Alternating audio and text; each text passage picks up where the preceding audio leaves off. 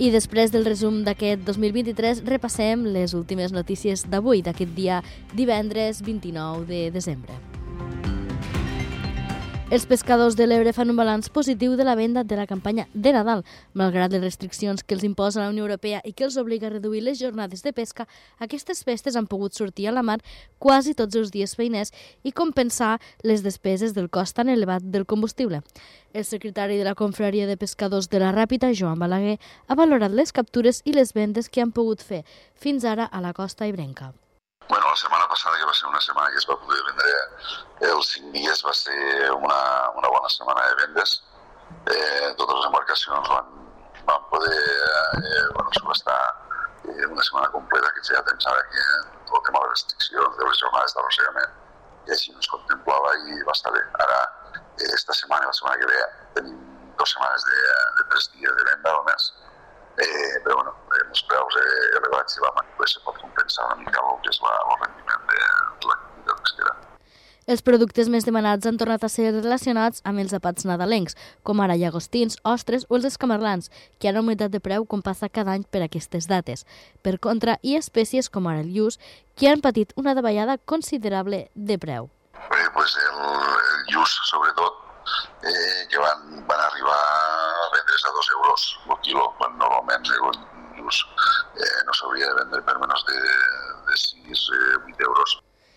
I parlem d'ocupació, plena ocupació de les cases rurals de les Terres de l'Ebre per aquest cap de setmana que inclou la nit de cap d'any. Per segon any consecutiu, les reserves s'han fet amb molta antelació i alguns establiments fins i tot tenen llista d'espera per si hi ha alguna baixa de darrera hora. Juan Jovel, portaveu de l'Associació de Turisme Rural de les Terres de l'Ebre, a Turebre, ha explicat que el fet de coincidir amb un cap de setmana fa que molts hagin llogat, llogat les cases rurals des de divendres. Sí, sí, ja, ja fa temps que tenim ocupat i, i fins i tot tenim diversos telèfons eh, en reserva per si a cas hi ha alguna renovació. Malgrat la plena ocupació que registrarà durant aquests dies, el sector de les cases rurals creu que l'any 2023 no ha estat tan positiu com l'anterior. Bell creu que els usuaris tenen cada cop més ofertes turístiques i que també s'ha tornat a viatjar molt a l'estranger. I parlem ara de mobilitat, perquè els grups de futur per la Sènia i Confluència del Consell Comarcal del Montsià han demanat que s'augmentin les freqüències dels autobusos que connecten amb els municipis de l'interior del Montsià. El portaveu de Futur per la Sènia, Joan Moisès, ha denunciat que molts dels autobusos que fan aquests trajectes en hores punta van plens i ha recordat la importància de poder garantir aquest servei que fan servir cada dia molts estudiants que s'han de desplaçar fins a Tortosa i Amposta eh, mos trobem que a la primera hores del matí hi ha molts de, dels autobusos que ja van plens, inclús hi ha moltíssima gent que va eh, a dreta. Això se podria entendre si fos temporal, però és que ara ens donem compte que és quasi, quasi cada dia. Els dos grups han registrat una moció al Consell Comarcal del Montsià per demanar la implicació de l'ENS en aquesta demanda i establir un diàleg amb les empreses de transport públic i l'administració competent. Llavors el que demanem és que hi hagi una anàlisi de realment les freqüències que hi ha. Tenim com a exemples que a la línia de la costa hi ha un 37 freqüències i que a la nostra eh, van, eh, les freqüències són molt més baixes i per tant demanem una anàlisi i una implicació per part de, de tots els grups polítics de, del, del territori i després d'aquesta anàlisi veure com podem eh, aquesta, aquesta freqüència ampliar-la. Segons avança Moisès, la moció es debatrà en el pròxim ple del Consell Comarcal del Montsià i de moment ja han rebut el suport del president del Consell per començar a fer gestions. Seguim parlant de plens. Els regidors de l'Ajuntament de Tortosa han acomiadat l'any polític en un ple extraordinari que s'ha celebrat aquest matí i en el qual s'ha aprovat la revisió de preus del subministrament de l'il·luminat públic i dels semàfors. Aquesta revisió afecta el període comprès entre l'abril del 2022 i el febrer del 2023. Segons ha explicat la regidora d'Hisenda, Maria Jesús Vinya, l'Ajuntament s'estalviarà prop de 49.000 euros, ja que el preu fixat està per sota del que reclamava l'empresa subministradora. Realitzats els nous càlculs, se conclou que el preu s'ha de fixar en 0,41 en 52 euros quilowatt hora, en comptes del 0,43 en 43 euros que sol·licitava l'empresa. Se conclou així que el pagament des de l'abril del 22, eh, data en la que se va fer la sol·licitud de la revisió del preu fins al febrer, s'aplicarà este preu. Això representa que després de la revisió que s'ha efectuat eh, pels serveis de l'Ajuntament i la documentació que es va requerir i que es va portar per l'empresa, se redueix en 48.796 en 16 euros l'import que inicialment demanava l'empresa. La revisió de preus la va demanar la Unió Temporal d'Empreses Gestió Energètica Tortosa, que s'encarrega d'aquest subministrament. Cal dir que aquesta revisió de preus s'ha aprovat amb l'abstenció de Junts per Tortosa i del regidor de la CUP.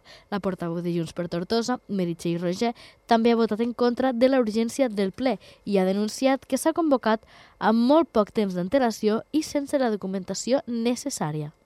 A la 1.42, un quart d'hora abans, convoquen la comissió un quart d'hora abans. Eh, no s'envia tot l'expedient, es comencen a demanar documents, s'envien els documents, alguns sí, alguns no. No estan tots els documents i es diu ja us els donarem demà, demà deu ser després del ple.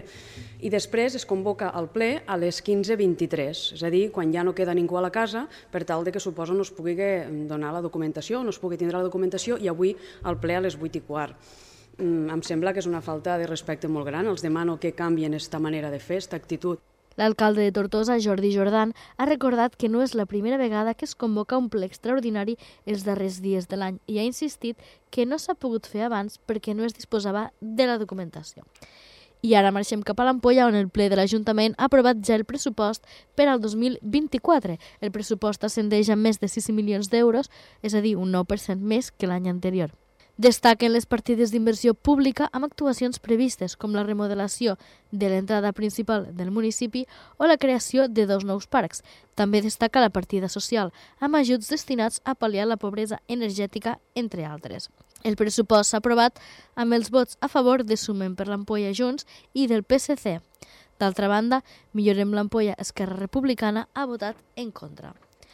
I a Roquetes, el ple de l'Ajuntament també ha aprovat aquesta setmana, en aquest cas, el plec de clàusules per licitar les obres de la nova llar d'infants que ha de començar a funcionar el proper mes de setembre.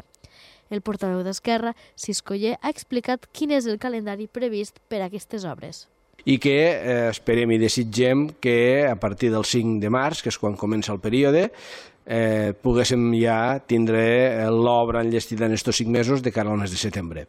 Això voldrà dir que eh, també per un costat hem de fer eh, la contractació de lo personal que ha d'entrar a treballar, que hem dit que si entre el mes de març-abril la direcció i eh, durant l'estiu les persones que en aquest cas complementaran la tasca docent en la direcció, L'equip de govern d'Esquerra de Roquetes també s'ha compromès a crear una comissió de seguiment amb tots els grups polítics i tècnics de l'obra. I en aquest darrer informatiu de l'any a Ràdio Ebre els parlem també de la cursa de Sant Silvestre, que de nou se celebrarà en posta el pròxim diumenge 31 de desembre i que arriba a la vuitena edició. La inscripció és de 5 euros a benefici de la Creu Roja i té la particularitat aquesta cursa que molts dels seus participants van disfressats i per això hi haurà premis per als primers classificats i per a les millors disfresses. La regidora de festes d'Amposta, Anna Tomàs, ha recordat que l'horari de sortida seran les 4 i mitja de la tarda per a la Sant Silvestre infantil i les 5 per a la dels adults. En el cas dels xiquets, el recorregut és de 400 metres i per a la resta de 3 quilòmetres eh, i ens vam donar compte de que hi havia massa mescla no? de gent gran i menuda i des de l'any passat hi va sortir molt bé a les 4 i mitja de la tarda se fa la cursa infantil en la qual el recorregut és més curtet, eh, s'inicia des del pont d'Amposta i acabem a la plaça de l'Ajuntament i després a les 5 hi ha la cursa per als més grans, eh? aquells que volen eh, fer un recorregut més llarg i més distància pels diferents carrers de la ciutat, acabant també allí. I ara sí, només ens queda desitjar-los una bona entrada d'any 2024 i ens retrobem el dimarts 2 de gener a Enclau Ebrenca.